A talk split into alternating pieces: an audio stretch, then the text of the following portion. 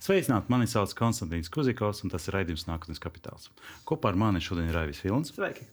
Un kopā ar mani ir trešā mūsu investoru pārstāve, Agnese Kronberga, Seibankas uzkrājuma un ieguldījumu produktu nodaļas pārstāve. Sveicināti! Sveiki!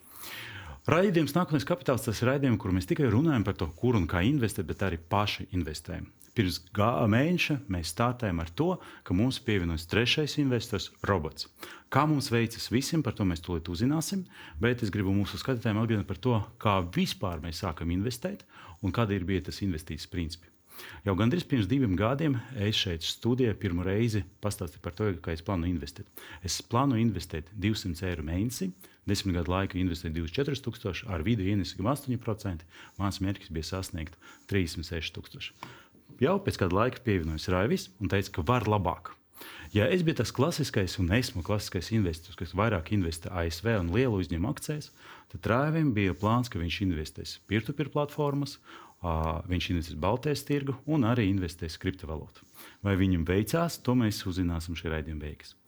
Un kas vēl ir būtiskākais, ir tas, ka mēs investējam katru, mēnesi, katru nedēļu pa 50 eiro vai 200 eiro mēnesi. Mēs mēģinām diversificēt savus ieguldījumus, kā arī mēs principā orientējamies tikai uz 20 dažādiem aktīviem. Bet pirms mēneša mums pievienojas trešais investors.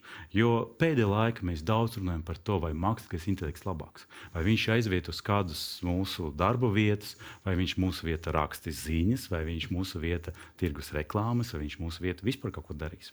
Un līdz ar to, ka SEB banka jau bija divus gadus robo investors, mums bija kauns to nepamēģināt, un mēs to arī sākam darīt. Tad kā veicas SEB robo investoram? Sāksim ar to, ka es ļoti biju šokēts par tās rezultātiem. Jo faktiski mazāk nekā mēneša laika uh, roba investors dabūja pozitīvu ienesīgumu. Uh, Agnēs, vai tā ir normāli, ka uzreiz startē, tāpēc ka es pieņemu investēju jau divus gadus, un, un uh, mēs, man liekas, tālāk no nulles. Uh, Rāvimā arī tā uh, pozitīva lieta bija. Nu, pozitīvi, pozitīvs ienesums bija retums, īsprieks. Bet te mēs startam uzreiz, vai viņš tiešām ir labāks par diviem cilvēkiem. Es domāju, ka pēc mēneša mēs to nevaram pateikt. Ir jāstāsta ilgtermiņā. Šis ir tikai viena mēneša periods. Un šeit izskatās, ka ir nostrādājis pareizais laiks. Portfels ir iegādāts un ieguldījumi veikti tajā brīdī, kad tirgus bija nokrities, un tagad tirgus sāk atkopties. Plus tas, ka robo investors iegulda dažādos reģionos. Tātad pat ja viens no reģioniem vēl šobrīd neuzrāda šo pozitīvo, bet pārējie reģioni uzrāda pozitīvu sniegumu, tas izbalansē, un tad kopējais rezultāts ir šis pozitīvais, ko jūs šobrīd redzat. Bet, nu, jebkurā gadījumā, protams, svarīgākais būs ilgtermiņa sniegums. Okay, tad faktiski pēc mēneša mēs varam arī ieraudzīt ne negatīvu ienesību. Jā, jā viss atkarīgs no tirgus. Kas man patīk, tā ir visa, ka es pirmkārt, tad, kad es investēju, vispār nezināju par to, vai man būs jāizvēlas kaut kas. Es vienkārši pateicu, visu. Nu, faktiski aizpildīju konkrētu anketu, un mūsu skatītāji to var ieraudzīt. Nākotnes kapitāla punkts vēl lapa, kur es uh, parādīju, kā es nu, Latvijas sasitapoju visu. Mhm. Un, un tad Tas bija robo investors, kurš to visu izvēlējās. Vai aiz tā robo investora slēpjas cilvēki vai tiešām roboti? Kas tur ir? Kā, kā, Kas tur ir tāds? Nu, tas ir hibrīds, hibrīds. kā mūsdienās populārs termins. Jo pašus portfeļus izdomāja, protams, šobrīd cilvēks. To mēs mm -hmm. vēl neuzticējām mākslīgam intelektam. To izdarīja cilvēki ar šiem tieši pieredzi portfeļu pārvaldīšanas pakalpojumā. Bet tālāk jau viss ir uzsatabots šajā mm -hmm. investorā, un viņš jau rīkojas balstoties uz šiem principiem, kas tur ir uzstādīti. Jā, to jau tālāk ir robotizēts. Tieši mm -hmm. tā. Jo, pieņemsim, tad, kad es paskatījos, ko viņš man, man tur ielika, es pat nekad eh, neiedomājos par tādiem ETF. Tur ir Japānas ETF, tur ir Eiropas ETF, tur vēl dažādi amerikāņu ETF. Jo man liekas, ka visi amerikāņu tirgus iet uz leju. Bet skatos, kā ETF, daži iet uz augšu, daži iet uz leju. Un arī gribu pateikt mūsu skatītājiem par to, ka a, pozitīvi rezultāti gandrīz ir visus ETF-os. Bet visvairāk un vislabāk strādā Japāna tagad un Eiropa. Un man ir jāatzīst, mēs ar tevi diez vai padomājam par Japānu tirgu. Mēs neesam jā, eksponējušies. jo šeit vēl ir interesanti lieta, ja mēs runājam no cilvēciskas puses, tad mēs pieņemsim. Skatos, ka Japāna joprojām, tas Japānas tirgus joprojām ir mazāk nekā viņš bija tur 90. gados, kad bija krīze. Viņš joprojām neatguva to, to, to savu vērtību. Tāpēc nu, tā tur uz tālāk. Bet rekur īstais moments. Vai mums kaut ko sagaidīt no roba investora to, ka laika viņš būs gudrāks vai skaistāks vai vēl kaut kas tāds būs? Grūti atbildēt uz šo jautājumu tādā formātā, mm. bet idejaski nu, visu laiku jau mēs kādus nelielus uzlabojumus veicam. Mēs sekojam līdzi klientu atgriezeniskajai saitei, skatāmies, ko viņi saprot, ko nesaprot. Jo tas galvenais mērķis, lai tas pakalpojums būtu maksimāli vienkāršs, ērts, liet, viegli mm. lietojams. Tas ir galvenais uzstādījums šim pakalpojumam. Un tad arī cenšamies veikt uzlabojumus, kur tie ir nepieciešami, lai viņš kļūtu nu, vēl aizvien, aizvien, aizvien vienkāršāks. Līdz ar to, ka es, nu, man, man robots ir tikai viena mēnesis, es redzu, ka tur blakus ir pogas pirkt un pārdot. Vai tas nozīmē, ka man vienreiz robots visu nopirka, un pēc tam man pašam ar to visu jāņēmas? Vai tomēr viņš to darīs manā vietā? Es vienkārši pārskaitīšu, un mans, es par to vairs nedomāšu. Roboinvestorā ir divi pakalpojumi. Mm -hmm. Man liekas, ka abus divus arī jūs uh, jā, jā, jā, man gan jā. ir fondi, gan jā. ir. Un tur ir, būs ir atšķirība. Jo uh, fondu gadījumā mēs sniedzam tikai ieteikumu un šo iegādi, un tālākie lēmumi jau ir klienta ziņā. Ja viņam sāk nepatikt šis fonds, viņš var to mainīt. Uh, Internetbankā ir tāda fondu maiņa, mm -hmm. un samainīt uz kādu no citiem fondiem. Tas ir iespējams. Bet tas ETF portfelis, tas ir klasisks portfeļu pārvaldīšanas pakalpojums, mm -hmm. kas nozīmē, ka klients uztic savus līdzekļus bankai, un banka pieņem lēmumus, kur ieguldīt un cik daudz. Protams, tas viss tiek darīts saskaņā ar līgumu, kur atrunāti principi un šis riska profils, kuru mēs noteicām. Ir kaut kāds rāmis, kura ietvaros tas tiek darīts, bet visādi citādi lēmumus pieņem banka, un klients nevar izmainīt šo portfeļu sastāvu. Tas nozīmē, ka tad, kad mēs runājam par akcijiem, man vienkārši ja vajag pārskaitīt uz konta naudu un tā, tā attiecīgi banka konkrēta perioda paņēmis un turpinās uh, rīkoties. Bet fonda gadījumā man vajag fiziski pašam veikt, uh, piepirkt kaut ko vai mainīt kaut ko vai pārdot. Nu, tā piepirkšana, tad brīdī, kad uzstādām robo investoru, var jau paredzēt, ka būs šis regulārais mm -hmm. ieguldījums. Tā kā, ja tas ir uzstādīts, Tikai tad tas jau notiks. Jā. jā. Bet, ja teiksim, ārpus kārtas, tad, tad, protams, jā, pašam tas jāizdara. Vēl ko es gribu piezīmēt, kad tieši portfelim, ITF portfelim ļoti ērti sekot līdzi mobilajā aplikācijā. Jo šeit skatos, tas ir internetbankā, un tur tas ir savādākā, mazliet griezumā. Bet uh, visas darbības ar portfeli var veikt tikai no aplikācijas. Tur ir pogas papildināt, Jā. veikt izmaksu, uh, mainīt šī regulārā ieguldījuma summas vai datums. To visu vajag veikt caur aplikāciju. Tā kā, kā uz to paskatīties? Tāpēc, ka, uh, Baides, ka uz to var paskatīties negatīvi. Tāpēc, ka man es vismaz 4-5 reizes dienu paskatos. Un tā jau ir kaut kāda maza atkarība. Jo, jo man ļoti patīk, tad, kad viņš krīt, nu, tad labi, ko tur krīt. Man viss tur, man interactive brokers krīt, man tur revolūtāks krīt, man visur tur krīt. Bet tad, kad viņš augsts, tad ļoti interesanti. Es vienīgais pamanīju, ka viņš nav varbūt tik operatīvs, jo viņš tur 3 vai 4 reizes dienā. Bet ļoti mm. interesanti tieši no rīta ieraudzīt, ka tur, uh, tirgus ir, ASV tirgus ir slēgts, kā, kā, kā šie cipri pa, pagaidām izaug. Bet šeit gribētu piezīmēt, nu, nu, roboinstitūts tomēr domāts tiem ieguldītājiem, kas nav tik zinoši un kuri gluži katru dienu neseko līdzi. Bet tas laikam atkarīgs arī no katra individuāla, no personalitātes. Jo pēc būtības tāds ilgtermiņa ieguldījums un katru dienu skatīties un uztraukties var nebūt veselīgi. Tas, ir, tas noteikti. Tas noteikti. Labi, ejam tālāk. Kā veicat manam portfelim? Jo mēs ieraudzījām robo investorus, viņš, viņam jau ir pozitīvs ienesīgums, vai man veicās. Uh, Pašsākumā gribu pateikt par to, ka veids visu par SMP. Ja mēs, tas ir dati pirms mēneša, jo šādu pēdējo video atskaiti mēs ierakstījām aprīļa sākumā. Un tad mēs tajā laikā redzējām, ka gada griezuma vai aprīlis pret aprīli bija kritums. Kas ir tagad? Tagad, ja mēs skatāmies par māju pret māju, māju vidū, tad tad mēs zinām, ka ir pieaugums. Tas bija 500 indeks izauga. Skaidrs, ka tas ir saistīts ar to, ka jau pagājušajā gadā māju vidū pēc kara sākuma viss gāja uz leju tad attiecīgi tagad ir daudz vienkāršāk ieraudzīt to, to pieaugumu. Bet pieaugums nav liels - 6,3%. Uh, kas vēl ir mainījies? Mainījies arī mans īpatsvars akcijas, jo es nekad nerunāju par obligācijām, un tad pēdējā laikā es sāku aktīvi to, to pirkt. Uh, ko es darīju? Es paskatījos, ka ETF, interesanti lieta, ka tieši ETF, kas kopē uh, SP 500, man bija visneinesīgākais. Un es pieļauju, ka tas vienkārši saistīts ar to, ka tas ir kaut kāda veida bija saistīts ar, ar, ar ETF apkalpošanas maksu. Tāpēc, ka pat ja viņš aug, iespējams, ka es viņu nopirku un tā apkalpošana nebija tik, tik izdevīga priekš manis, jo ko mēs runājam, aug viņš par 0,5%. Un tāpēc skatos, ka arī nākamais man ETF man bija divi, viens kopējs bija 500, otrais kopējs, tā saucamā bata, kas uh, uzņēma, kas nodarbojas ar baterijiem. Viņi abi bija negatīvi, tad, kad uh, akcijas bija uz, uz augšu. Tad es nolēmu neturēt naudu un vienkārši pārnest uz Latvijas krāja obligācijas. Tas arī ir mans mērķis. Un šobrīd uzreiz varu pateikt par to, ka kopīgais ienesīgums ir minus 2,3%. Viņš ir labāks nekā viņš bija pirms mēneša. Interesanta lieta, kā es par krājbanku, par obligāciju, tas ir tikai Latvijas krāja obligācijas. Uh, procents aug, tas ir patīkami. Tas ir, es sāku ar 3,65, pēc tam jau aizgāju uz 3,8. Un, principā, pēc gada es domāju, ka es dabūšu atpakaļ visu summu. Es domāju, bet es esmu pārliecināts. Uh, un turpināšu arī uh, otru savu ETF pārdot un attiecīgi konvertēt viņu Latvijas krājuma obligācijas. Uh, tas būtu cits tēma, vai es.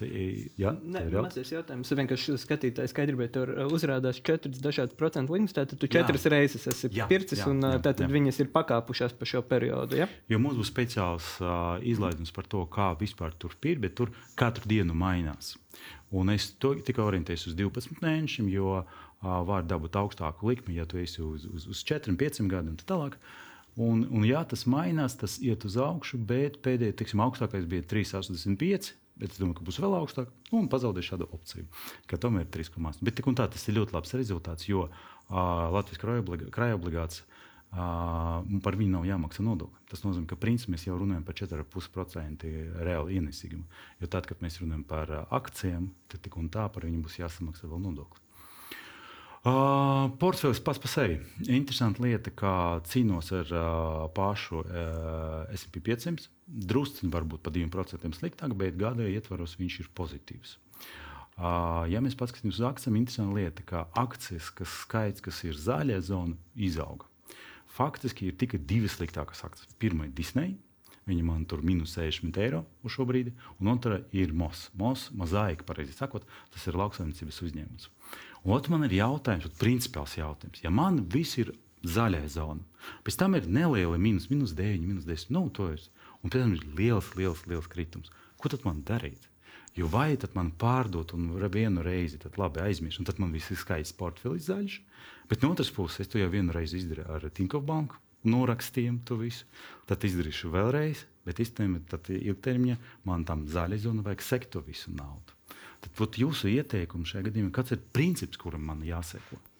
Jā, vajag padomāt par to. Tātad, pirmkārt, kāda ir šī stratēģija, cik mm. ilgs ir plānotais ieguldījuma termiņš, cik saprotu, gan nu, ilgs. Nu, jā, mēs vēl astoņus gadus investēsim. Jā, un tad būtu jāpēta, vai šie konkrētie uzņēmumi, tātad vai saredzat potenciālu, kad uh, akcijas šī periodā izaugs. Jo šobrīd zaudējumi, tas, ja tik kamēr viņus nepārdod, mēs nefiksējam šo zaudējumus. Tie ir tikai potenciāli zaudējumi. Tad svarīgi, vai mēs ticam izaugsmai šiem konkrētiem uzņēmumiem turpmāk. Tas ir tas jautājums, ko pašam sev jāatbild. Jo es no savas puses redzu, ka Disneja nokrita, tāpēc, ka bija publiski paziņots par to, ka viņam gan vispār pazaudēja 4 miljonu uh, subscriberu, abonentu. Jā, kādi ir šie iemesli, kāpēc Jā. ir tas kritums? Tieši tā, un vai redzam, ka tas kritums varētu būt Jo, jo Mainīties. es domāju, ka Disneja noteikti viņš ar mums jau simts gadus, vai, un būs vēl tikpat daudz. Un ar viņu pēdējiem pirkumiem arī tas viss būs kārtībā. Tā otra problēma par mozaiku. Es neko nezinu par lauksaimniecību šo uzņēmumu.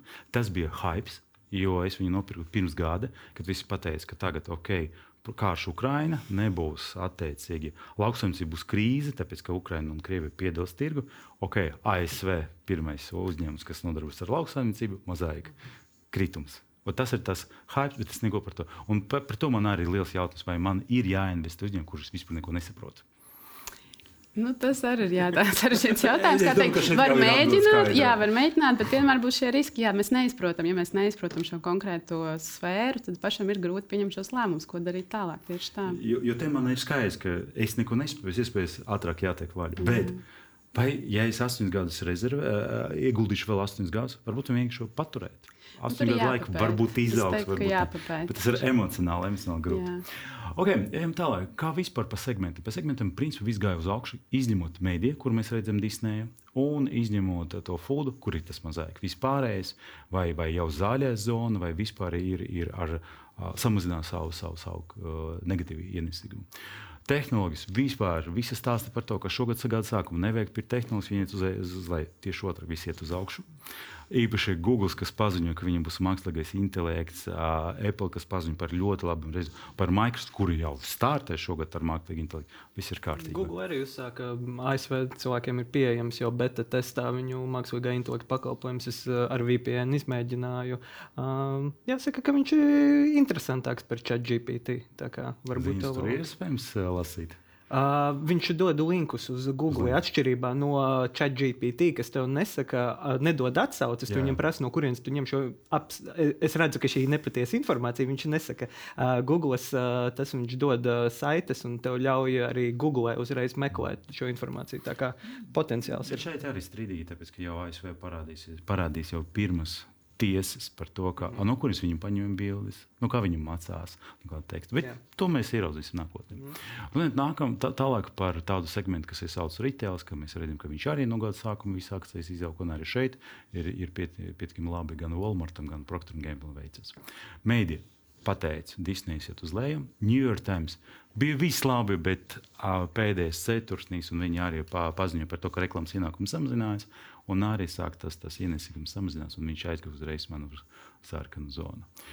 Uh, par uh, pārtikas segmentu mozaīka ir tas, kas man lielāka sāpe. Uh, interesanti, ka Coca-Cola vēl man ir sarkana zona. Coca-Cola ļoti labi sevi rādīja tad, kad bija augsta inflācija. Tas bija dažus mēnešus, bija dominējušais mana portfeļa pēc ienesīguma, bet pēdējā laikā drusku mazāk. Un McDonald's, man liekas, ka cilvēki vienmēr ies uz McDonald's.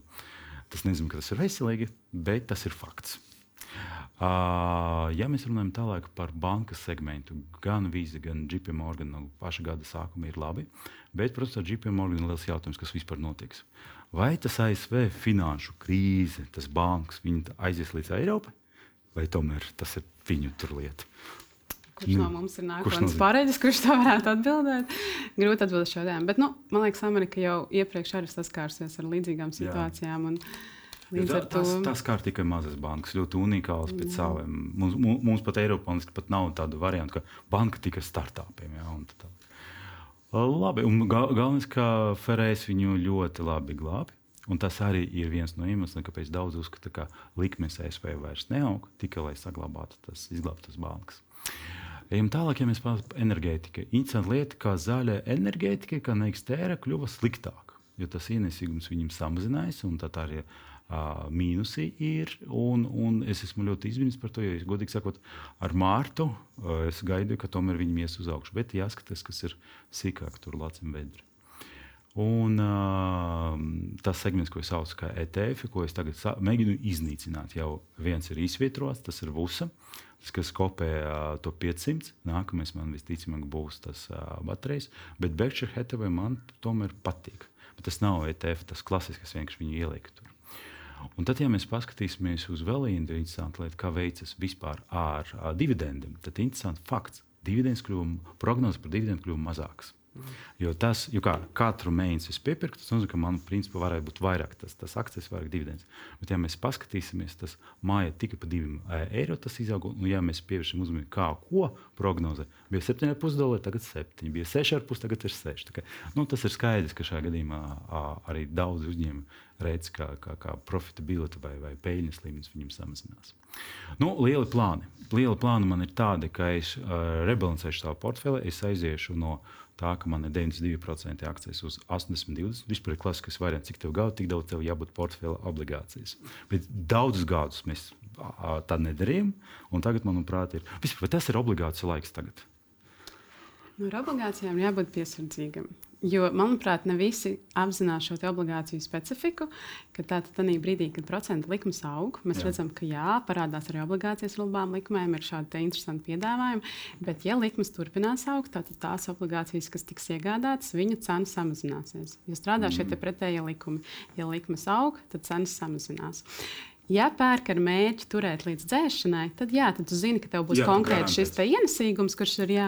Bet, ja tas nav šāds mērķis un ir doma kaut kur pa vidu arī pārdot, tad uh, nevar zināt, kāda būs šī tālākā kustība. Jo es vienkārši orientējos uz 12 mēnešiem. Es zinu, ka es pēc gada, es vairāk par garantētu, ka jūsu kolēģis pateica, ka no, ar tādu obligāciju ienesīsim, diez vai tu dabūsi video 8, bet tas ir tomēr labāk 4 nekā ETF, kurš man minus 6 no, no, no, sataisīja. Un kas tālāk? Visas manas 17 akcijas, es pie šī skaitļa turpināšu strādāt. Un vienīgais, es izlīdzināšu, lai visiem būtu proporcija vienāda. Jo tagad man ir akcijas, kur ir pusotrs kur ir trīs, un tad es mēģināšu to diversificēt. Jūtu, ka man pietrūka kaut kas no veselības segmenta, jo tas, manuprāt, ir ilgtermiņa segments, kas vienmēr augs ilgtermiņā lēnāk, bet augsts. Bet, protams, ka divi mani kandidāti uz izlidošanu, tas ir mo mozaika, kuras neko nesaprotu. Viņi gan ir vislielākais zaudējums, un tas bija kļūda. Visi raksta, pēc tikai to, ka tu saproti. Tur bija hype, vajag pirkt, es nopirku. Nu, un bats, kur es skatos, ka man kaut ko neveicas tieši tur burts ar ETF. Tad ir mani plāni, vai rāvim veicas labāk. Par to mēs uzzināsim jau pēc īsa brīža. Jā, tā tad, kā ir gājis man šeit, varu atgādināt par manu portfeli. Tā tad kriptovalūtas, peer-to-peer un Baltijas tirgus. Šeit mēs varam redzēt jau kopējos rezultātus, kopējos ciparus.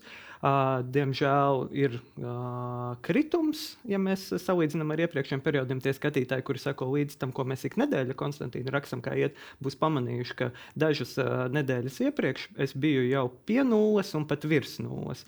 Un, kāds tas ir iemesls, es tūlīt pēc pāris slaidiem pastāstīšu. Bet, nu, jā, tātad šeit ir manas akcijas Baltijas tirgu. Lielākais jaunums skatītājiem, kuri nelasa to, ko mēs ik nedēļu rakstam, ir tas, ka es iegādājos 30 virši A akcijas. Tā ir mana jaunākā pozīcija, kuras šobrīd ir sarunas ar vīšu vadītāju. Tas uh, bija viens no faktoriem. Jā, es, uh, es arī pasakoju līdzi, pēc tam nedaudz palasīju tās prognozes. Un, uh, jā, man šķita, ka uh, tur ir uh, zināmas perspektīvas uzņēmumam. Un, Vai tev vienkārši jā. ietekmē? Pozitīvi. Varbūt man arī vienkārši ietekmē pozitīvi. Jā. jā, arī gribu atlaides. Jā, degvielas cetas. Un atlaides sākas no kāda maksas skaita? Uh, simts. Nu, tev vēl jācenšas. nu, jā, tā lēdā garā. Bet uh, jā, šeit mēs varam redzēt, ka Madara kosmetikas ir mans visilgākā perioda, vislielāko zaudējumu nesējs. Uh, tas ir tavs mozaika. Tas ir mans mozaīka, varbūt jā, tiešām tur ir kaut kādas. Uh, bet nu, tas ir skaidrs, ka Latvijas iedzīvotājiem ir mazāk naudas, ka mazāk tiek tērēts. Um, Sevis iepriecināšanai un uh, maz, tas uh, kā to sauc, lupu krāsas indeks, kas kādreiz tiek pieminēts laikam. Ir, nu, ir taču tāds līnijas, jā. bet, jā. bet tam būtu jāstrādā šobrīd pozitīvi. Otrādi, bet... bet iespējams, ka ar lupu krāsu ir pamaz, jā, Madarai. Madarai ir daudz citu produktu arī. Vai tur vienkārši tās krāsas cenas ir tik, tik, tik dārgas, ka tas tomēr nav tas segments? Jā, nē, nu, t, jā, nu šobrīd ir, ir tāds periods, bet uh, kopumā vēl aizvien, kā es katru reizi saku, uh, nekas neliecina par to, ka uzņēmumam būtu būtiskas mm -hmm. problēmas. Tas ir akciju cena nevienmēr obligāti korelē ar to, kā iet pašam uzņēmumam, jo kopumā uh, no visiem publiski pieejamās informācijas, kas pieejamas biržā, nav pamata vismaz man šobrīd domāt, ka būtu jābēg prom no Madaras. Tad mēs redzam, ka mans ETFs, kas apkopo Baltijas biržu, ir lejā. Un viņš dažkārt mēdz būt lejā arī tad, kad birža ir pakāpusies pozitīvi. Tā kā, uh, diev, diemžēl ar šo devēju. Bet nu, es arī šo pozīciju praktiski nepapildinu, tāpēc, kā, kā mēs iepriekš esam runājuši, es viņu nevaru iegādāties. Tad, kad es spiežu pirkt, viņš vienkārši nav pieejams. diemžēl. Jā, uh, tik liels pieprasījums, kāpēc viņš ir lejā. jā, nu, lūk, uh, tad uh, novatūras, uh, kas ir uh, nedaudz nokrities, tur uh, viņš ir daži brīdi pozitīvs, daži nē, bet no nu, acīm redzami, uh, var, varbūt vasarā pakāps atkāpsies turisma pakalpojumi, varbūt mazliet pārvadājumi pieaugs. Un, nu jā, un šauļu banka arī ir nošļukusi nedaudz. Bet viss pārējais kopumā ir pozitīvi. Mēs varam redzēt, ka manas Baltijas akcijas ir ar nelielu pluszīmi. Iepriekšējās nedēļās pat bija pāri vienam procentam, un es domāju, ka tas tuvākā laikā arī atjaunosies. Šeit var redzēt uh, sadalījumu. Nu, viņš tev nav ļoti diversificēts. Tev ir tāds soft tehnikas pietiekami daudz. Jā. Tev, tev, tev arī madara kosmētika. Jā, jā, jā. Pēc, eh, pēc ieguldītām summām, tāpēc, ka ļoti krasas atšķirības ir starp eh, to, cik maksā viena akcija Novatūras vai Tallinkam, ar eh, to, cik maksā Madara. Es to pašu pareizi vēlksim pateikt, jo jā. cik maksā Microsoft un cik maksā mm -hmm. Shell, tas ir sešas reizes starpība. Jā, jā, jā, tāpēc, ka šeit arī var redzēt to, ka es ilgstoši pieturējos pie tā, ka es līdzīgu skaitu akciju pirku. Tāpēc, okay. tad, kad es sāku veidot portfeli, uh, turpretī tagad esmu pārgājis uz to, ka es cenšos līdzīgu summu ieguldīt. Un tad uh, tuvāko mēnešu laikā es domāju, ka tas nedaudz izlīdzināsies. Mm. Um, dosimies pie nākamās sadaļas, uh, kriptovalūtas. Uh, šeit mēs tad varam. Bitcoin plus. Uh, vispār, jā, man nē. Laiks. Jā, laiks, timings. Uh, es esmu iegādājies bitkoinu par augstāku cenu nekā šobrīd ir. Bet nu, mēs varam redzēt, ka tirgus principā diezgan lielā mērā stāv uz vietas. Nav nekādu lielu negatīvu notikumu, nav arī nekā pozitīva. Var redzēt, ka dažkārt ir kaut kāda perioda, kad nedaudz uzkāpja, tāpēc ka uh, ir kaut kāds varbūt mazs grūdienis, investori nedaudz sapriecājas, bet kopumā nekas īsti nenotiek. Un visticamāk, nekas arī nenotiks, kamēr ASV neatrisināsies uh, problēmas. Agnēs, es neesmu pozitīvs par bitkoinu. Man liekas, ka tas ir vienkārši tāds virtuāls bullshit, godīgi sakot. Un daudzi mūsu viesi mēģina pie, pierunāt mani un pārliecināt par to, ka ne tā ir nākotne. Jūsuprāt, vai tā ir nākotne? Nu, es arī esmu skeptiska pret kriptovalūtu, jo man mazliet pietrūkst, lai es noticētu tā idejai. Bet nu, vēsture rāda, ka līdz šim tas strādā. Es jau teiksim, sākumā neticēju, tad vienā brīdī domāju, ka ir jau pa vēlu ieguldīt, jau ir burbulis. Tas bija krietni sen, tad mm. viss turpina augt. Grūti pateikt, kāds būs. Nu, To tirgu uztur tas, cik daudz tic tam. Jā. Jo vairāk ir tie, kas tam tic, jo tikmēr tas uh, tiek uzturēts. Tā kā grūti pateikt. Nu, es neesmu ieguldījis, bet, ja es ieguldīju, droši vien nelielu daļiņu, tīri tādu pamēģināt un uh, diversifikācijai, bet uz nelikt noteikti uz uh, visu vis solis šajā groziņā. Cik tev ir procentuāli tagad? Tā apmēram ap 20-25% ir kriptovalūtas. Nē, tā nav. tā nav maza daļa. Bet... Tā ir gana būtiska. Jā, bet, bet tāds jau ir portfeļa mērķis. Tāds ir portfeļa mērķis. Mēs skatītājiem radām. Bet, jā, jo sākotnēji tiem, kuri uh, mums tagad tikai sākuši piesakot, es uh, varu teikt, ka sākotnēji arī tieši tā es veidoju portfeli 33, mm. 33, 33%. Principā līdzvērtīgi. Un uh, tagad uh, dažādos periodos es esmu samazinājis, piemēram, pērnā gada sākumā un vidū es ieguldīju vairāk peer-to-peer, kas, mm. ko es tūlīt nākamajos slaidos rādīšu. Savukārt uh, tagad, kad peer-to-peer nozarē netik labi iet, lietas. Esmu atkal ieguldījis Baltijas akcijās vairāk, un tā, tā kā es to veidoju. Bet nu, šeit var redzēt, kā iet portfelim. Ieguldīts ir uh, 972 eiro, kamēr vērtība ir uh, 821. Pilnīgi zaudēju gaisa, bet tu nav tik traki. Jā, šobrīd ir, ir tiešām periodi, kad, kad tas arī ir galvenais, kas manu portfeli šobrīd svārsta. Jo periodos, kad nedaudz nedaudz pakāpjas, tad arī es pārkāpju pāri nulles robežai. Bet es domāju, turpinot ieguldīt citos aktīvos, tas agrāk vai vēlāk beigsies. Un, un man vēl aizvien ir doma, ka kaut kāda, ka bitkoinam ir sevišķi vajadzētu nedaudz paaugties. Es tam kā nu, investors ticu. Tas jau gadu stāsti. Mm, dažkārt paaugst, dažkārt krīt. Šeit mēs varam redzēt to sadalījumu. Solana, kurš ir mans visneveiksmīgākais kripto investīcija, ir krietni samazinājusies. Bitcoins veido teju pusi un Ethereums uh, vairāk kā trešdaļa. Um, šeit arī ir slaids, var redzēt, nu, ka praktiski zaudējums nes Solana. Uh, bez uh, Solanas investīcijām uh, būtu. Die, nu, nebūtu pozitīvi, bet nebūtu arī šāds milzīgs zaudējums. Pārdot šobrīd es jēgu neredzu, jo starpības starp 73% zaudējumu un 90% zaudējumu šajā gadījumā man būtiski nemainītu. Tad man ar mazāku vēl nav tik slikti. Jā, nu, tā, tāda ir akcija priekšrocība. Bet, nu, lūk, es ceru, ka kaut kādā brīdī, varbūt, kad atgriezīsies vispār īpaši ASV pārliecība par pasaules ekonomiku, varbūt drusku atbrīvosies nauda, tad atkal atgriezīsies kaut kāda NFT projekta. Un uh, Solanu es iegādājos, tāpēc, ka tā bija kā alternatīva ēterumam, kā viens no NFT projektu uh, uzturēšanas un izmantošanas kriptovalūtām. Tad, attiecīgi, ja kaut kādā brīdī tas atgriezīsies, es ceru, ka varbūt Solana atgriezīsies pie. Uh, mazākiem zaudējumiem, vai pat pozitīvi, tāpēc ka viena monēta ir ļoti lēta. Tad, kad kriptovalūtām specifiski tas, tad, kad labi iet, tad cilvēks skrien uz tām lētajām. Jo bitkoinu neviens negrib pirkt par 30 tūkstošiem, jo tev nav 30 tūkstoši, bet Solanu tu par diviem dolāriem vari nopirkt. Es, es arī redzu, ka tas veicas. Nu, tā ir. Uh, bet es domāju, ka jā, man, redzēsim, kā būs. Bet man šķiet, ka vienā brīdī es varētu apsteigt robo investoru. Nākotnē rādīs. Jā. Un tad uh, te ir investīcijas, kur, uh, par kurām, kā es jau pēdējo pusgadu stāstu, šobrīd ir grūti aprēķināt, kā veicas, tāpēc ka es teiktu guru, kur ir mans. Uh, Vislielākās investīcijas, 250 eiro, šobrīd ir iestrēguši Vācijas aizdevumos, kuri, kuros radās problēmas šī gada sākumā. Šobrīd es teiktu, guru strādā, lai atgūtu šo naudu un sakārtotu šo tirgu. Un viņi arī sūta paziņojumus. Tur kaut kādi procesi notiek. Tas nav tā, ka tas tiek pamests vai norakstīts, un, bet vienkārši šobrīd es nevaru uh, objektīvi teikt, cik labi man vai cik slikti iet tieši saistībā ar estate guru. Bet Mintos un Twino veido uh, kopā saskaitot apmēram tikpat, cik estate guru, un tur ir kopumā pozitīvi. Izmantojot auto investīciju rīkus uh, Mintosā un Twino, uh, man automātiski tiek diversifikēts, diversificēts portfels. Mēs redzam, ka uh, ienes pienesīgums nav tas, uz ko es uh, esmu cerējis, uz ko es esmu nostādījis, bet nu, tas ir labāk nekā ir sevišķi brīžos, kad mēs zinām, ka uh, sevišķi mazie aizdevumi, ātrie kredīti un tādas lietas uh, cieš, tad, kad uh, ekonomikai iet slikti cilvēki nespēja atdot.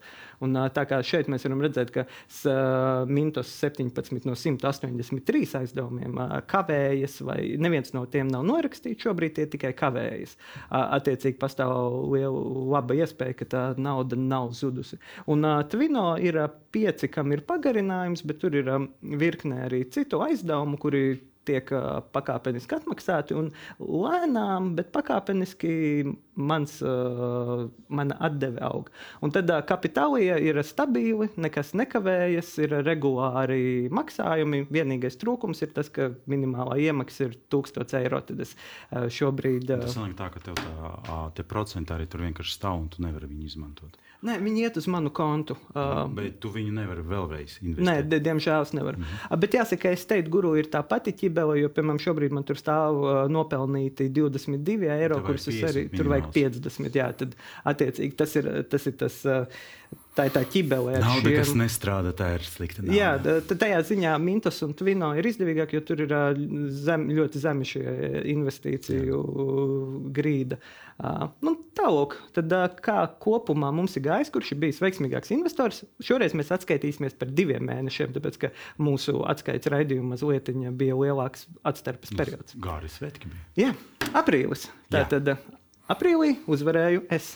Jā, kā jau teicu, jā. tas bija labs uh, laiks kriptovalūtām. Uh, salīdzinoši labs, tur bija pakāpušās uh, kriptovalūtas, un tādēļ uh, Konstantīnam ne tik labi gāja, jo uh, ASV tirgos vēl aizvien bija, jā. turpinājās ķibeles. Uh, robo investors vēl tikai iesildījās. un tad, uh, kā jau tu pieteici raidījuma sākumā, šeit mēs redzam, kā ir gājis uh, maijā. Jā. Uh, man, mans, uh, kā mēs redzējām, kriptovalūtas dara man sāpi.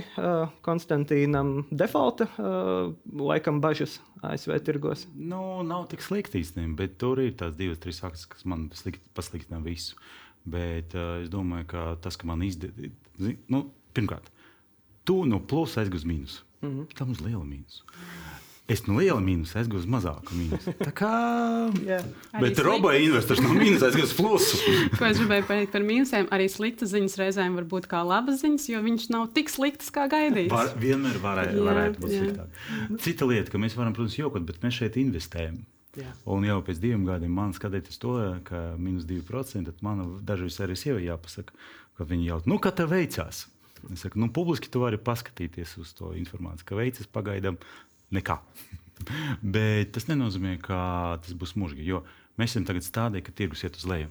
Tas nozīmē, ka tas ir laiks, kad mums vajag pirkt. Un, un, ja mēs ar tevi orientējamies uz desmit gadiem, tas nozīmē, ka principā, tas ir īstais moments. Jo būtu daudz savādāk, ja mēs, ja tirgus iet uz augšu, uz augšu, uz augšu, tad mēs pirktu dārgāk, dārgāk, dārgāk. Un tad, kad mums vajag pabeigt uz desmit gadu periodu, mums tā peļņa varētu būt ļoti maziņa. Tāpēc cerība par to, ka ekonomika uzlabos, ir liela. Jo vēl astoņi gadi priekšā. Jā, un tad mēs varam apsveikt Agnesi, kā robo investoru pārstāvi šodien studijā. Jūs esat uh, uzvarējusi. nu, jūs komanda, kas tur slēpjas. Protams. Komanda. Uh, jā. Tad uh, paldies Agnesei par uh, pievienošanos un par pastāstīšanu, kā robo investors strādā.